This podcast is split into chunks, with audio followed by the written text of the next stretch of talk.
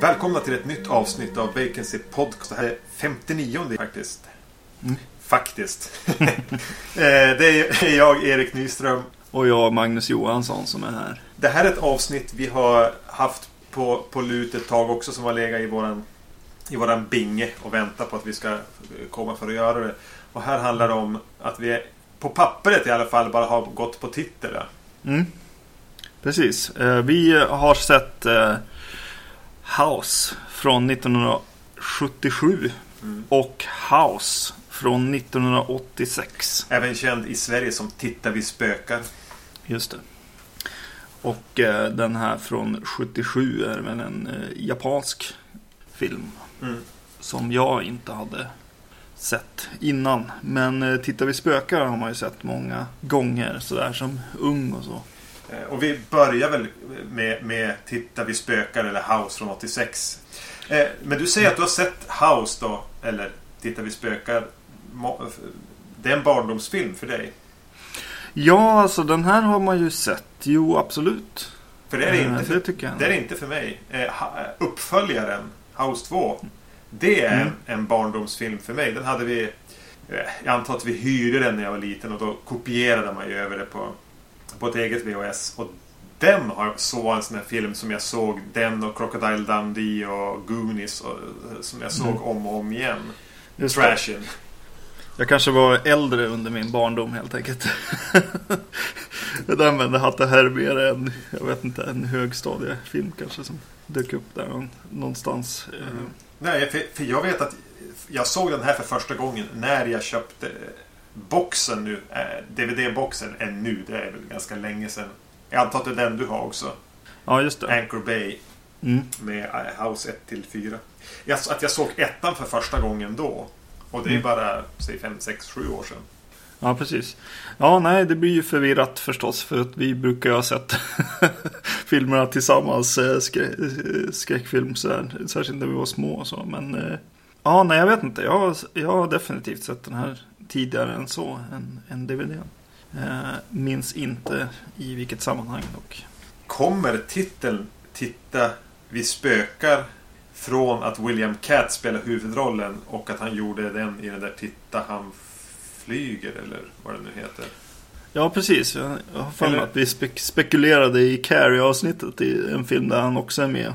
Om att den, den lika väl kunde heta liksom Titta vi leviterar eller något sånt.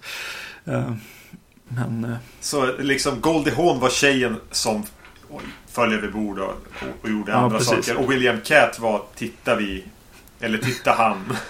ja, precis. Gjorde de någon film ihop? Just det. Titta han och tjejen som... Ja. Nej, Tjejen som tittade på han. Just det. Eh, vi släpper det. Absolut. Eh, How, eh, från 1986 i regi av Steve Miner. Mm, precis. Den ga- våran gamla favorit. Ja, precis. Han har gjort det Fredag 13 eh, två och tre. Mm. Just det, och är ju någon eh, Sean S. S. Cunningham. Liksom undersåte. Eh, eller vad man ska säga. Mm. Och Sean S. Cunningham är ju producent här och eh, Harry Manfredini har gjort musiken. precis. Så det är ju det, det gänget som gör en, en annan skräckis. Kan man väl kalla det. Mm. Mm. House handlar om en, en framgångsrik skräckförfattare som bestämmer sig för att hans nästa bok ska, ska han bearbeta sina trauman från Vietnamkriget. Eh, han flyttar till, ett, till sin fasters gamla hus där han även har tillbringat en hel del tid i livet. Eh, för att komma, komma, komma ifrån.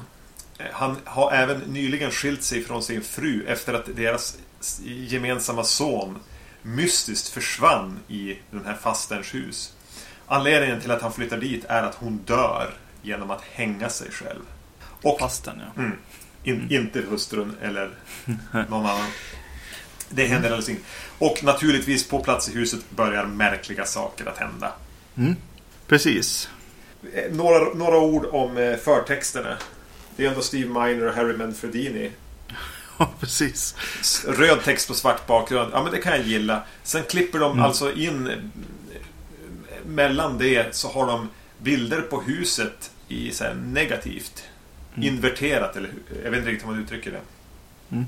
Och det är ju inte så jädra häftigt. Nej. Eh, det känns överlag som att de har problem att eh, få det här huset att vara ett eh, läskigt hus. De har väl hittat nå- världens finaste kåk på något sätt i något jättefint ja, grannskap.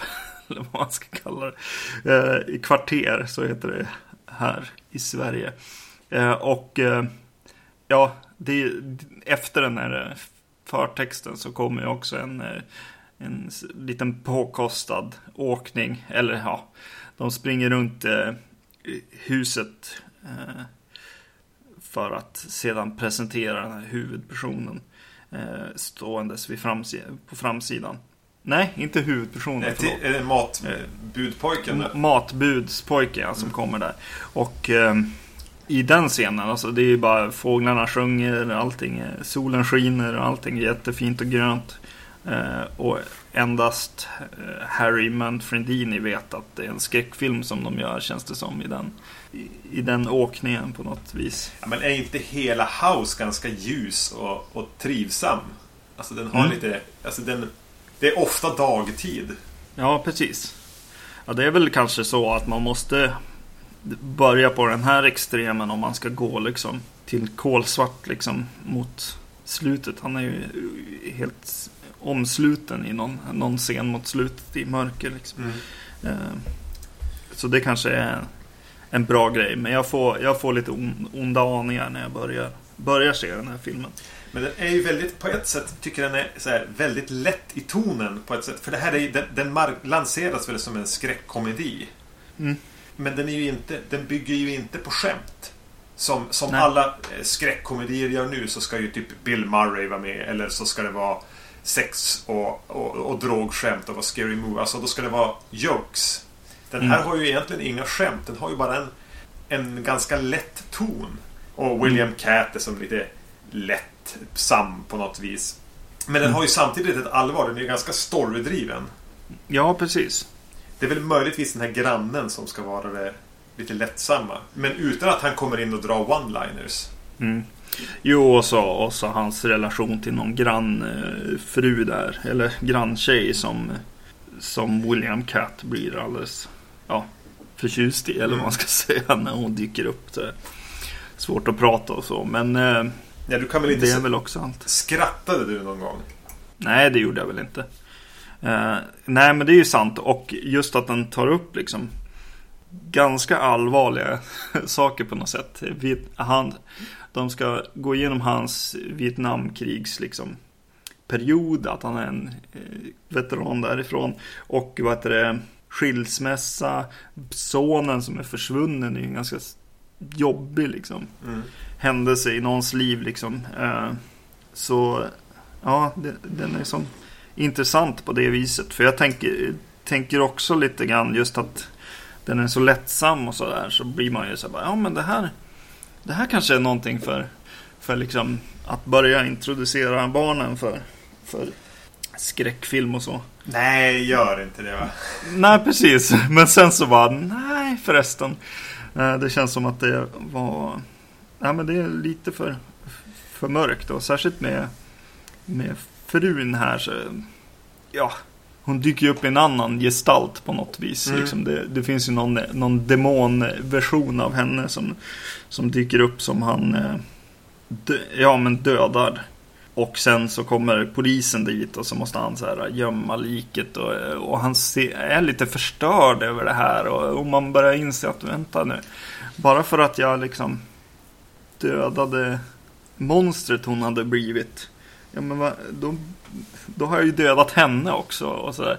Eh, ja, nej men den, den är lite intressant på det Ja, viset. men den har ju rätt, alltså som du säger, det är ganska tunga saker han ska som hans eh, så här, character development, det han ska gå igenom i filmen är ganska tunga saker. Och Mm. det är ju ganska lätt att se den som, som han som egentligen sitter i det här huset och bearbetar sina, sin, sina trauman. Och att, att alla spöken och det här som händer är en, någon slags manifestation av hans, ja, men hans trauma. Och att, att han egentligen sitter där och har ett, något slags nervsammanbrott är ju ingen mm. långsökt tolkning. Eh, om man Nej, vill. det är det ju inte. Nej. Om man vill. Och det finns hela tiden den undertonen att det här är han som, som driver ut sina demoner. Mm. Det är nog ganska medvetet. Tänkte du, på ja, någon, tänkte du på någon annan film, lite grann storyupplägget här? Som vi har pratat om på podden för inte allt för länge sedan. Ja, vad tänker du på? Eh, Salems Lot. Ja, just det. En författare som, som, som åker iväg till någonstans där han var mycket som barn och han har eh, saker, i, alltså det har hänt tråkiga saker och att han ska skriva en bok. Ja, intressant. Jag tänkte på The Changeling nästan. Ja. När jag såg den här filmen. Men inte liksom någon slags lättsam version av, av den filmen. På ett sätt. Eh, men den känns ju ganska Stephen King. Det är väl det att det är en författare i huvudrollen. Då blir det väldigt lätt att man tänker på Stephen King. Ja, absolut. Men jag tycker ändå att den står ut just med, med det här Vietnam-grejen. Alltså, gör en skräckfilm med flashbacks liksom till Vietnamkriget. Det är ganska eh, ovanligt. Ja. Och särskilt en som har en sån här ton som ändå är... Ja men hela Vietnam, allting känns som så lätt. Alltså det känns, mm. det känns nästan snarare som så en, en mash-variant av, av Vietnamkriget som Flashbacks mm. till. Det är lite, lite ljusgrönt och lite så här, man, väldigt studiodjungel. Ja, utan att de, det gör ingenting att det är en studiodjungel liksom. Alltså man, och det är också återigen dags. Det är inte så smutsigt. Det är ganska ljust. Så jag håller med. Den har, det blir väldigt märklig. Den här lätta tonen och det mörka. Jag, jag hade ju väldigt svårt med... Jag, jag tycker att det är en ganska rolig åktur på, på den nivån som sagt eh, manusmässigt med, med hans, här, ja men det han ska gå igenom och eh, det han måste möta för att kunna gå igenom det här. Och det är ju genomtänkt. Det, en, det enda lite konstiga är väl, eh, vad heter det, det här monstret i garderoben i princip. Eh, som på extra material presenteras som så här krigets monster på något vis. Mm. Eh, men det, det gick förbi mig lite grann, deras idéer där. Men, men eh, både det som kommer från, från Vietnam och det som kommer sen från från eh, relationen till frun och, och, så är ju, är ju kul och genomtänkt så här. Och då, men just hur den här börjar och den börjar med en massa jättedålig dialog. Som jag blir så här bara, vad, vad tusen, vad är det som händer? Eh, han det här eh, matvarubudet, mm. hans, han går omkring där i huset. Eh, han är någon slags pre-credit-scen i princip. Någon, någon, någon liksom för, föreläskighet innan, innan filmen börjar. Eh, och eh, han går omkring och säger Mrs Cooper, eh, det är jag, varupojken. Mm. Bara, men säg ditt namn. Så här, bara, Hallå, det är klart. Han, någon måste ju ha markerat i dokumentet när de skrev det här manuset att så här, okej, okay, här ska jag skriva in ett namn. Och, och samma sak så ringer eh, exfrun till honom och, och pratar med honom. De, de, de båda kanske saknar varandra lite grann ändå. Så hon, hon ringer från och säger I'm calling from the awards party. Mm. Så bara, men döp det här priset till någonting. Ja, ja nej, jag vet inte. Jag, det är inte Golden Globe-galan eller någonting som man tänker att det är. Nej, The Awards Party säger hon. Alltså, okej. Okay. Det är, så lite, det är lite så här, Tales from the Crypt förenklat. Alltså det får inte bli för smart, det får inte bli för svårt. Det ska hela tiden vara ganska övertydligt. Lite, lite mm. barn, ja men just det här barnboks... Eh, jag tänker någonstans att det här är en filmad bok på ett sätt. Ja, just det. Ehm, och, och, då blir det lite... Och, och, att den på något sätt är riktad till, till en, till en så, så här, tweens. Mm. Jo men det är nog ja. Men eh, sen så, ja precis. Så, så just det, och det här är i början av filmen så jag blir lite rädd liksom att oj, oj, oj det här kommer ju... Nu, nu kommer jag få en sån här eh, grej som du fick för några avsnitt sen. Att så här, någon gammal film som man har sett några gånger blir så här, vad, vad fan är det här liksom? Om det var... Det var nog kanske till och med i förra avsnittet med Sleepless. Ja, precis. Eh, precis, så jag, jag, var ganska negativ ett långt tag. Men sen så börjar den hoppa i tid. Och börjar berätta han, den här huvudkaraktären, Roger Cobbs bakgrund. Och vad som hände med sonen. Och då börjar det helt plötsligt ta sig lite. Det blir så här mindre torrt och tråkigt. Med lite hjälp av liksom ett lite mindre linjärt berättande. Utan den hoppar runt lite grann och så. Och den väljer ju att inte låta oss få veta allt på en gång. Men vad har hänt med sonen? Vad är... Vad är... Vad, vad är det här? Vänta nu, finns det en son? Vad är, alltså man, man, ett tag sitter man där och undrar lite grann. Mm, precis, han säger bara i vet du, förbifarten i början någonting om att Ja men när min son försvann. Och så mm. bara Ja, går det vidare liksom. Så kommer de tillbaks till det. det. Det gillar jag. Och så gillar jag när hon, tanten eh, i någon flashback ler mot polisen. Finns det någon scen där. Bara en visuell mm. grej som var jättehäftig och rolig. Eh, William Cat då? Tycker du han kan, kan han bära en film? Ja, jag vet inte. Den skulle säkert bli lite bättre med någon annan. Men jag, jag vet inte. Jag tycker han gör den här filmen ganska bra ändå. Mm, för jag är lite så här, för jag, jag gillar som att, att, att följa, en, följa igenom en film med han. Mm. Det är mm. någonting med hur, hur han ser ut och, och liksom ja, men den han är som känns så här, ja, men mysig och gemytlig att, att, att, att ha i en huvudkaraktär.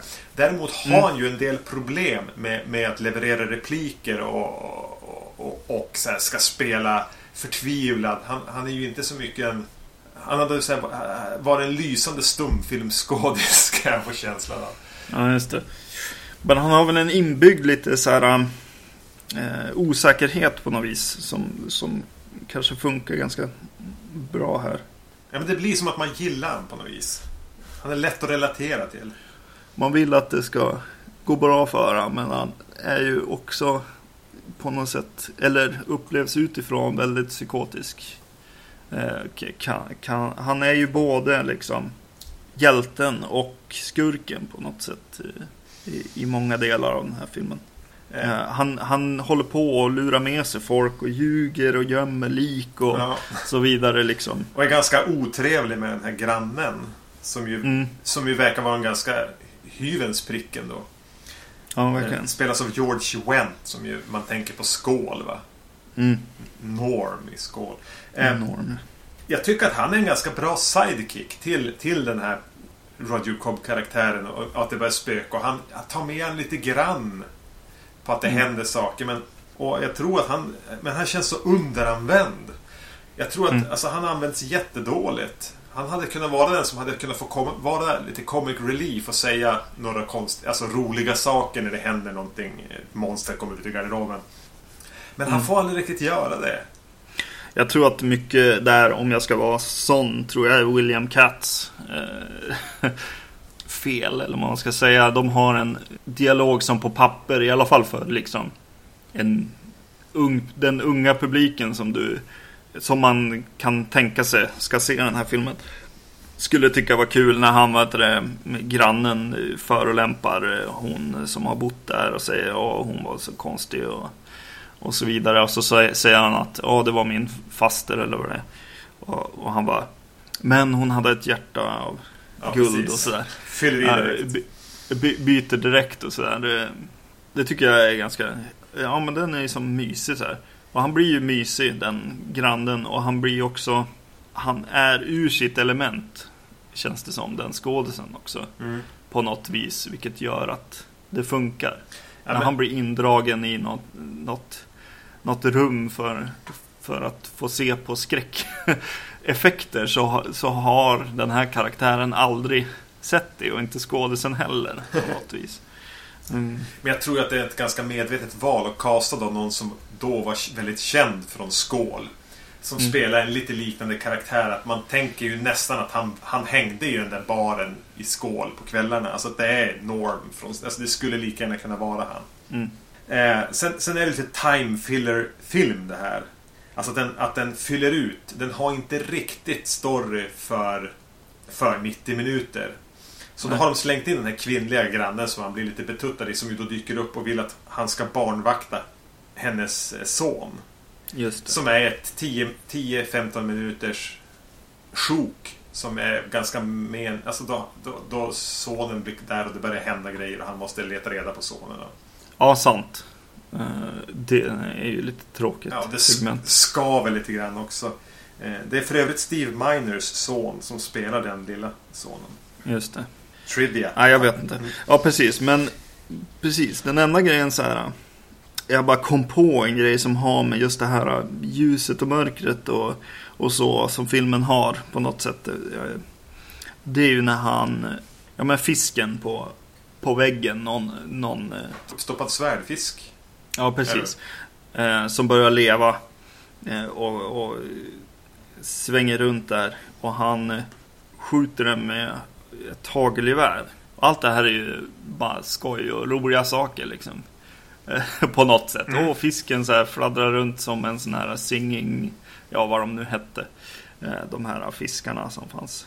Eh, som rörde sig och sjöng någon sång. Men, men när han har skjutit den så börjar fisken plötsligt gråta. Mm, och, och kvider och, och rör på sig. Ja, precis. Och helt plötsligt så sätter man som skrattet i halsen.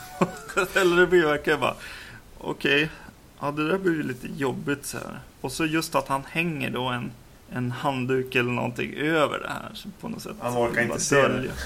Nej, han orkar inte med det. Så det blir helt plötsligt bara, jag går verkligen från, från ljus till mörker på något vis. Den här filmen. Ehm, en, en sak jag tänkte på, en de, annan detalj som kan vara värd att nämna som jag tänkte på i hela filmen var att han står ofta vid ett badrumsskåp. Alltså ett sånt här typiskt filmbadrumsskåp med en spegel så att man öppnar det och tar ut sina antidepressiva eller vad han nu gör så stänger han det. Eller han böjer sig ner och ska plocka upp något ur handfatet och ställer sig. Och man sitter där och väntar på, på den här obligatoriska scaren med det. Jag tycker de gör en ganska cool... I slutet kommer det en ganska finurlig twist på hela den grejen. Att de har så tydligt etablerat det här badrumsskåpet och det blir inte alls det jag hade förväntat mig i alla fall av det. Nej. det den detaljen gillar jag. Det ska inte avslöja vad det är. Ja, precis. Nej. Nej, absolut. Och i slutet, eh, när han som mot slutet beger sig in i det, det du nämnde i början här, när han blir bara omsluten av mörker. Mm. Så, så ja, men, vänta nu, är inte det här bara insidious? Så här, går, fa, går han into the further nu? Ja. Ja, det är sant. Insidious är en remake på den här då. Mm. Ehm, Och det här är en remake på Salem slott. Det. Men hur man kan ta sig från Salem slott till Insidious Mm. på två steg. Har du något, har du något mer om? Nej, men jag, det bara slog mig. Jag var tvungen att kolla upp faktiskt när Evil Dead 2 just kom. Mm. Eh, och det är ju året efter den här. Så den är före Evil Dead 2? Ja, precis. Ja, ja. Det, det är ganska kul. Så här. Eh, ja, men de har mycket gemensamt. Det är Mm. en kille på en plats, ett hagelgevär och gummimonster. Och, Uppstoppade Och djur som rör på sig. Ja, precis. Ja, det är lite intressant att den här faktiskt ändå är före den. För den, den känns ju... I, I mitt huvud så, så kände jag bara, åh, den här måste vara inspirerad av Evil Dead 2. Men, men eh, så var det alltså inte. Den, den känns ju på något vis som en... Ja, men lite TV-varianten av den. Mm. Eh, Den här med, välkammad TV-version av, av Evil Dead eller Evil Dead 2. Eh, De har, det finns ett släktskap i alla fall. Ja. Eh, Men jag menar, den är inte speciellt rolig eh, som, som komedi betraktat. Och du blir ju sällan rädd. För att inte säga aldrig rädd. Men det är en Nej. ganska eh, här, relativt kul åktur. Mm. Jag, jag, har, jag känner att jag saknar Jag skulle vilja ha haft de här nostalgiska banden till den. För att riktigt få den att fungera tror jag. Så nu blev det lite så här att ah, jag blev lite trött av den. Absolut, man skulle ha sett den ännu ett varv när man var liten Mm. för att verkligen så här, bara förlåta allting. Liksom. Eh, framförallt blir jag irriterad på, på dialog. Att det, någon annan borde ju skriva den. För att, ja men till exempel, han, han kallar sitt barn för min unge Mm. i filmen. Och det, så gör man ju inte. Det är ju andras, andras ungar, mina barn liksom. Eller Jo. så. Men ja, nej men det är så. Den hade kunnat behöva putsas på lite grann. Ja, precis. Absolut.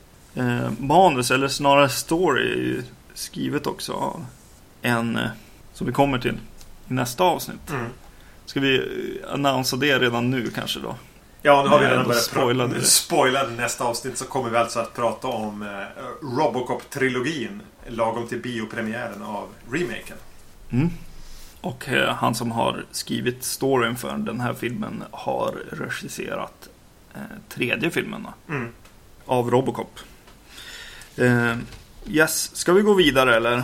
Det är väl dags att, att, att, Mm. att åka bakåt i tiden och till Japan. Ja.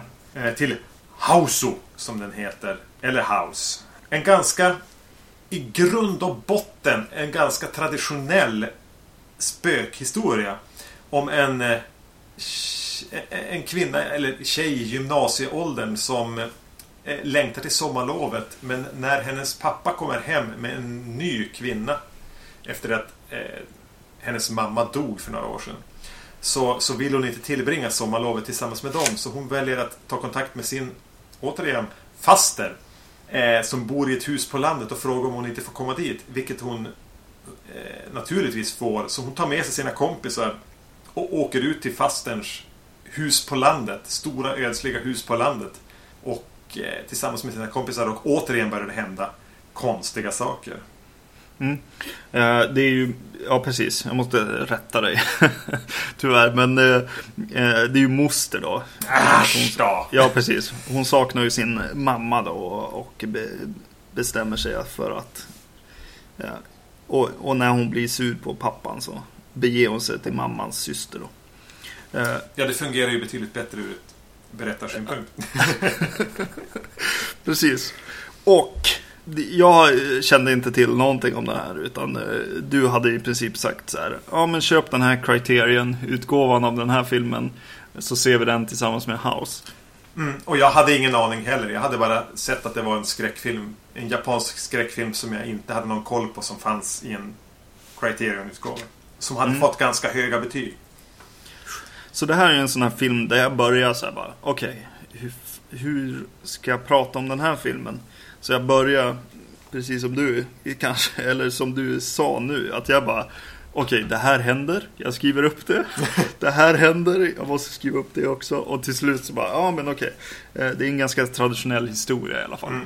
Eh, Det är inte så att den, den hoppar runt och blir stökig så. Men det är ju en helt sjuk filmupplevelse det här. För att det är ju Det är ju kokobäng redan från ruta ett. Ja, det är verkligen, det är verkligen syra. Syra, svampar och, eh, och gräs.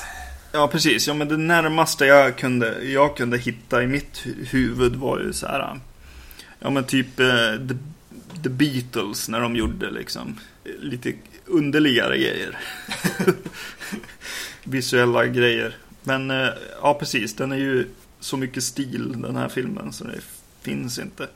Eh, vart ska man ens börja? Ja, men de tar alla trick i boken. Alla visuella knep, alla klipptekniker, alla här, eh, grejer man kan göra med en kameralins eller Kunde 77. Man bara använder det och så hittar man på några till på vägen. Mm. Eh, de har samma musiksling, nästan samma musik som går runt, runt fast med olika, lite olika instrumentering. Från början är den som glad och sorglös med stråkar och sen blir den mer och mer spöklik. Och från början känns det verkligen som ett... Ja men typ... Jag, jag börjar tänka på någon sån här Disney Channel tv-serie, typ Tvillingarna på Sweet Valley High. Mm. Som någon hade hällt LSD på. Ja, precis. För det är så eh, otroligt eh, glada studenter här som, eh, som är så goda vänner, verkligen. Alltså, om man skulle... Ja, precis. Ja, jag vet inte. De filmar Euphoria på något Ja. sätt. De är jätteglada. De, de berömmer varandra och de hoppar upp på high-five. Och... Ja, precis. Och det är blommor och blad och ja, sommar överallt och sådär. Otroligt häftigt. Och så sen, sen kommer du in, alltså, sen är ju allting byggt också. Eller mycket av det så här, ja men byggt med miniatyrer eller med liksom, med annat. Det är ju fantastiskt när de står utanför eh, Tokyo Station och ska åka ut på den här, den här resan.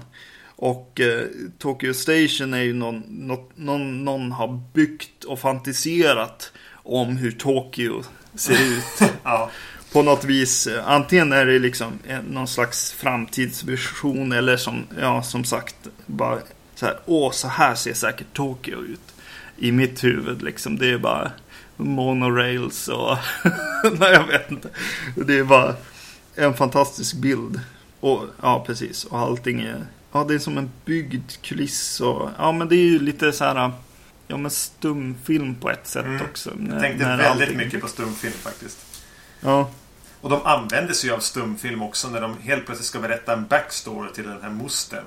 mm, Så, så, så filmas det i form av en stumfilm med, kommenta eh, med kommentarer från det här tjejgänget. mm. Ungefär som att de sitter och tittar på en stumfilm om hennes moster och så sitter de och säger Jaha, det var så. Åh nej, hände det?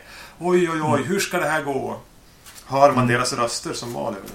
Men, och det känns inte bara som stil tycker jag. Inte heller, alltså, heller utan jag, jag tycker det är riktigt coolt när de, och bra för historien på något sätt, när de så här, kör såna runda inramningar liksom. På en viss karaktär eller viktiga saker i en scen. Så att eh, det, det sitter eh, studenter då i, i förgrunden och, och pratar och så helt plötsligt åker jag blir en sån här liten wipe till en liten rund ring som ramar in en tjej i bakgrunden som, som, som ser på den här situationen en helt annan, andra ögon än de andra kanske gör. Hon, hon tycker det är obehagligt eller, eh, eller så, eh, ja, eller har andra känslor kring det här liksom. Som kanske inte kommer ut i dialog utan det verkar bara ramas in. Eh, det tycker jag är häftigt. Och, och samma sak när han presenterar när pappan pres- presenterar sin nya tjej och sådär. Att det är bakom en någon glasrutor med som ramar in varje liksom, detalj på ett häftigt sätt. Mm. Ja, men de använder ju de här Ibland är det ju me- mer av någon sån här ra- rastlöshet eller ADHD-mediciner som har börjat sluta verka. Eh, och ibland så använder de det faktiskt för, för att förstärka känslor eller poänger i vissa scener och i dialoger. Ja, precis. Den blir ju lite den blir ju sjukare och sjukare på ett sätt också. Eh, men just det. Men det här gänget, de, alltså, det är ganska modigt att skriva in sju karaktärer som alla är typ 17-åriga japanska flickor i skoluniform. Mm. Och jag tänkte bara, jag har ingen eh, aning om vilka någon av de här är. Det här är, det här är kört, så jag är inte med på tåget, jag har inte hängt med.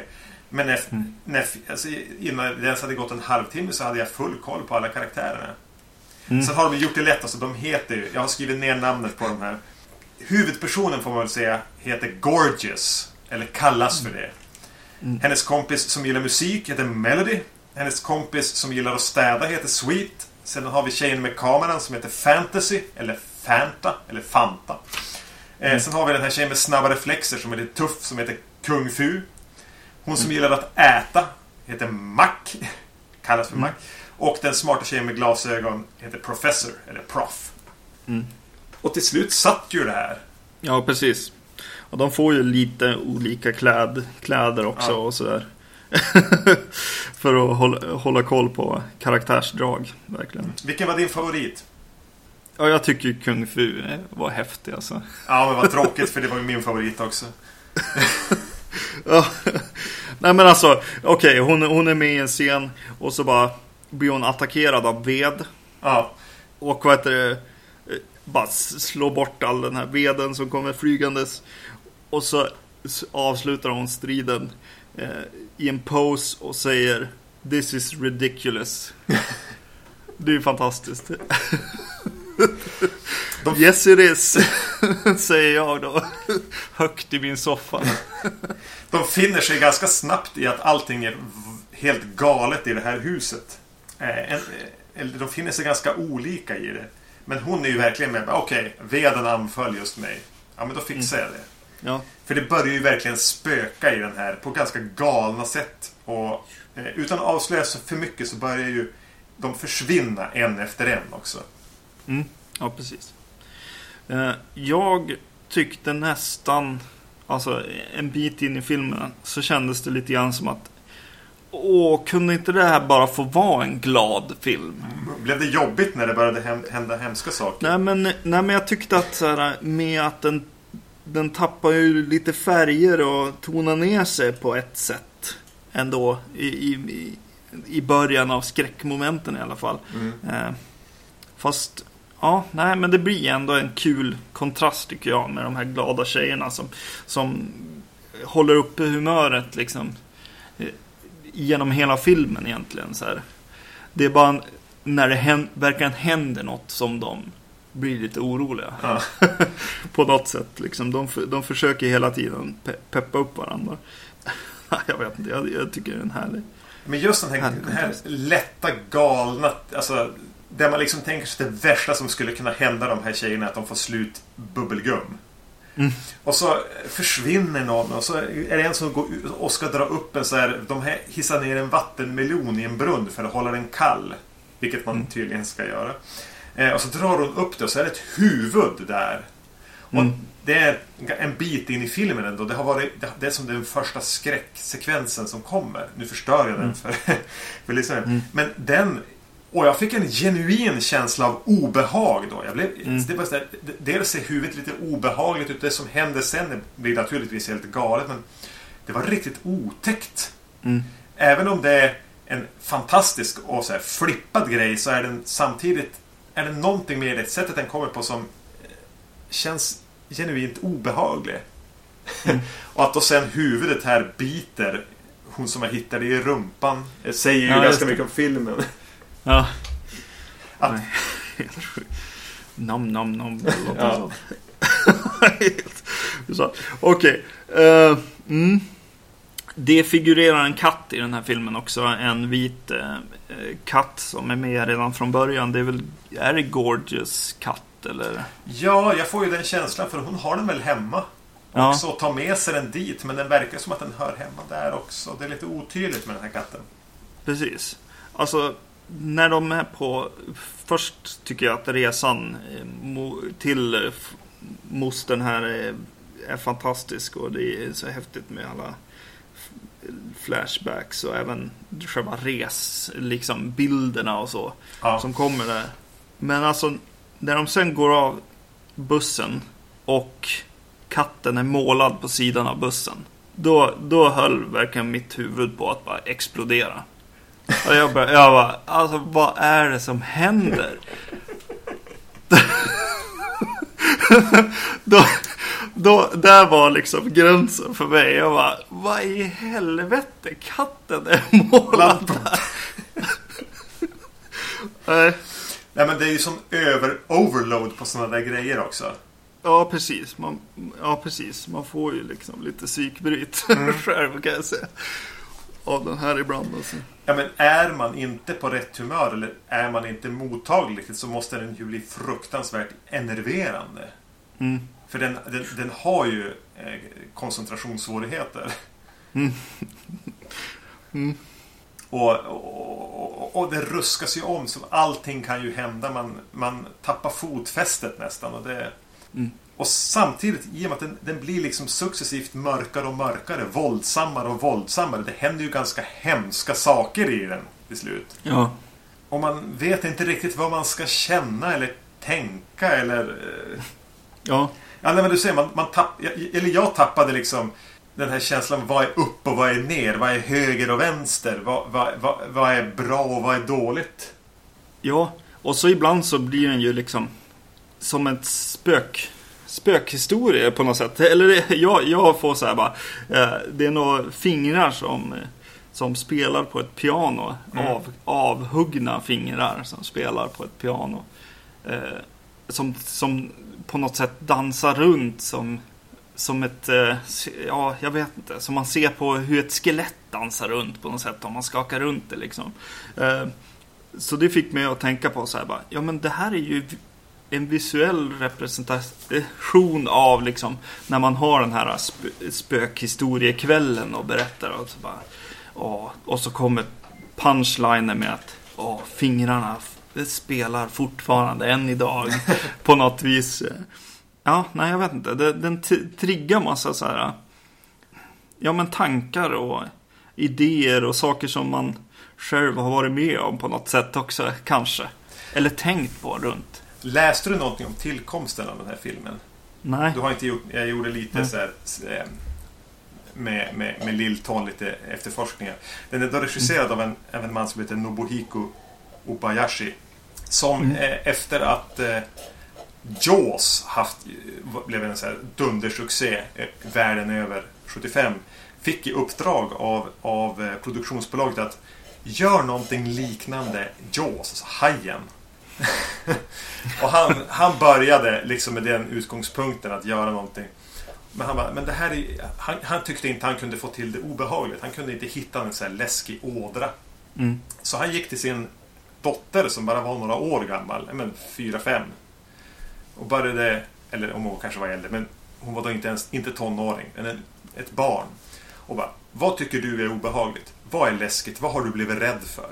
Och hon började Mm. berätta olika saker som hon hade så här, kunde ligga vaken och tänka på. Han skrev ner det och implementerade sådana sådana idéer. Eh, Bland annat så hade hon berättat att när de var hemma hos hennes far och morföräldrar så var det ett piano där som de brukade spela på. Hon var alltid rädd. Tänk om pianot, för att tangenterna såg ut som tänder. Tänk om det skulle börja tugga upp en. Så här, som, ja, Mm. ja, äta upp en. Och, och, och liknande sådana saker. Att det, var, det är väldigt mycket inspirerat av ett barns skräckfantasier nästan. Och det känns ju ganska rimligt när man ser den.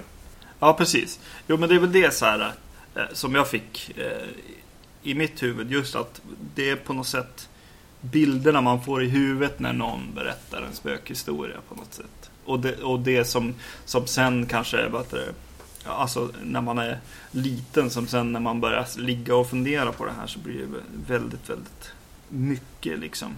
Som, som min, eh, min dotter nu såg på, vad heter det här, eh, vad heter det, som går, eh, julkalendern. Mm. Hedenhös. Ja, precis. Hedenhös. Och så avslutas ett av programmen med att vet du, skurken säger så här. Åh, jag har något ännu värre än mord. Som jag har tänkt göra mot er, typ. Och det låg ju min dotter i liksom i dagar. På, på kvällarna. Och kan inte so somna för att hon funderar hela tiden. Vad är värre än mord?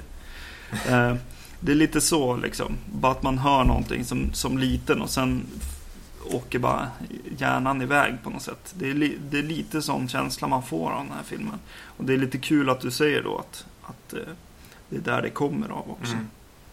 Ja, den är just massor med bara visuella bilder, idéer och alltså, tankar kring vad som är obehagligt. Och sen finns det även någon, någon klassisk spökhistoria i botten. Mm. Eh, märker man. Och, det är, och den har ju det i, i grunden också. Det är ju inte bara dårskap. Utan den har ju en väldigt traditionell spökhistoria att luta sig mot. Mm. Och en ganska obehaglig och brutal sån.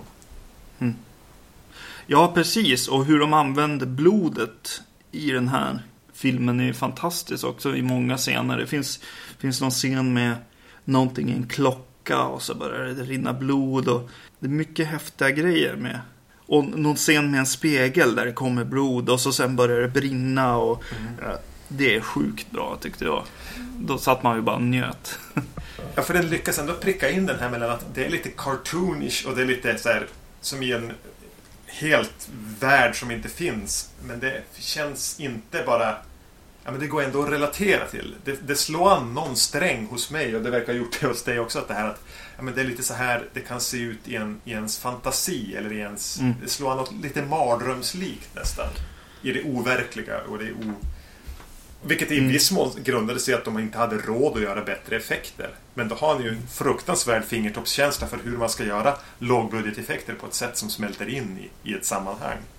Och, Mm. och höjer filmen. Ja, ja precis. Jag, jag tycker att det här är hur bra som helst. Jag var ganska nervös när jag hade sett den för jag tänkte bara "Ja, men det här, det här går ett, åt ett håll eller, eller det, det kan bara ta två vägar det här. Ja. Antingen man bara, det här är ju, det här är ju, det här är ju migrän. Det här går Mm. inte att titta på. Eller så, eller så stormgillar man det. Och, och jag tänkte bara, undrar vilken väg du kommer att ta här. Jag Ja. känner mig lite skyldig till det här valet. För jag gillar det ju också om, om jag inte... om, inget, Mm. om det inte redan är väldigt tydligt. För det här var ju fruktansvärt häftigt. Ja, det blir bara... Jag var lite så här bara. Ska jag bara trycka på play igen? Liksom. Och bara se det nu igen. Jag vill ju bara... Jag vill ju visa den här för, för andra människor. Jag vill sitta i en, i en soffa med någon annan och bara kolla på det här. Mm. Eh, Men, men det är ju väldigt svårt att tänka ut vem fan ska jag hissa den här för. Jag satt Eh. alltså, jag såg den här, det är kanske en vecka sedan nu knappt. Eh, Mm. så jag, en torsdag kanske. Så på, på jobbet och satt jag alltså där på socialkontoret i Skellefteå och försökte få mina kollegor intresserade av den här filmen. Mm. Men det gick så där. Jag kunde inte hålla tillbaka en, entusiasmen. Nej. Nej men jag kan inte, ja, precis. Eh, Det, det som dyker upp i mitt huvud är just det här. Ja men vad behöver man då? Vad behöver man ha med sig för att tycka om den här filmen? Vad är det jag har med mig i, i filmväg på något sätt för att säga bara, åh shit. Eh, vad bra det här är. Det, det känns inte som att, ja men jag har by- bytt jobb nyligen till exempel. Det, det är inte så här, hej ska vi ha filmkväll? så här, jag, jag kan ta med en film. Den är skitbra. det, nej, det kommer inte riktigt funka. Men eh, nej, eh, så att eh, ja. Fast här kan vi väl rekommendera den helt enkelt på podcasten. Det är väl förhoppningsvis eh, några lyssnare som har pejlat in vilken smak vi har och så. Sen finns det väl alltid de här eh, Japan-fetischisterna. Som ju Mm. förmodligen kommer att liksom bara smälta ner och uppnå nirvana av att se den här filmen.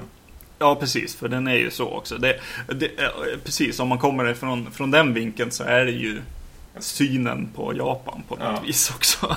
så. Jo, man tänker ju lite grann på de här galna så här, eh, TV-programmen. Så här, tävlingsprogrammen med galna programledare och konstiga peruker. Alltså den, lite, lite den känslan får man också. Och eh, det låter väldigt så här, trött och fantasilöst att säga men det är ju, man tänker ju även lite grann på, på anime. Mm. Även om det är ja, väldigt Ja. förutsägbar kommentar att göra. Eller ja, ja, japanska... Ja men precis, den här regissören eh, förstod jag det som var, kom från reklambranschen. Och det känns ganska naturligt också. Eh, väldigt mycket liksom korta vignetter som är lite sjuka så här. Och alla skådespelare utom av det här gänget, utom Gorgeous, är ju fotomodeller också som man tog med sig från sina reklamfilmer. Ja precis, så stark rekommendation från mig i alla fall. Och det låter som att du gillar den också. Jag skriver under på den rekommendationen. Ja, jag kommer definitivt se den inom, inom 24 timmar. Ja, ja men i princip. Jag kom- kommer så snabbt jag kan hitta någon som, och se den med. Ja, man vill ju visa den för någon, det är ju det. Mm. Så då börjar jag tänka på båda de här filmerna. Som är någon slags spökhistoria om ett hus. Ja.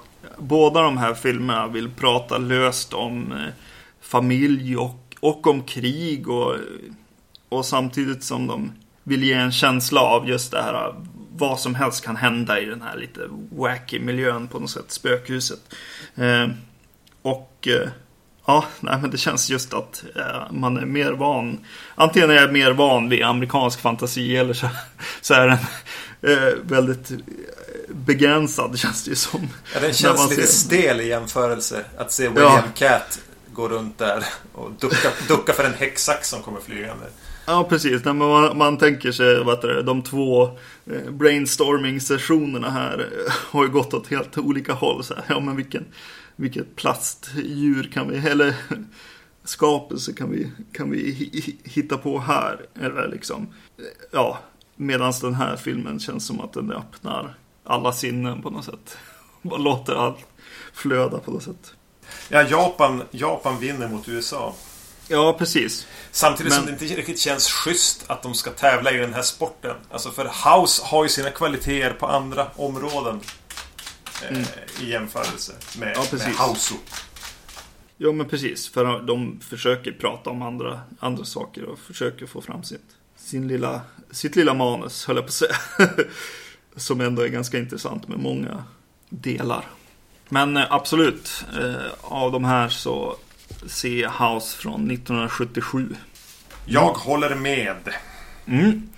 Och eh, nästa gång så ser ni på, eller lyssnar ni på oss förstås. Och lyssnar på Robocop. Trilogin Mm. som vi tar upp då. Tills dess, Ja, precis. iTunes, vacancy.se.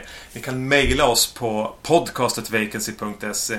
Vi finns även på, på eh, filmfenix.se som jag är med och och driver.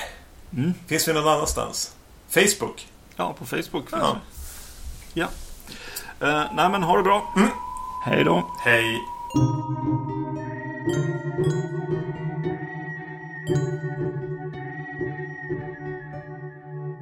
thank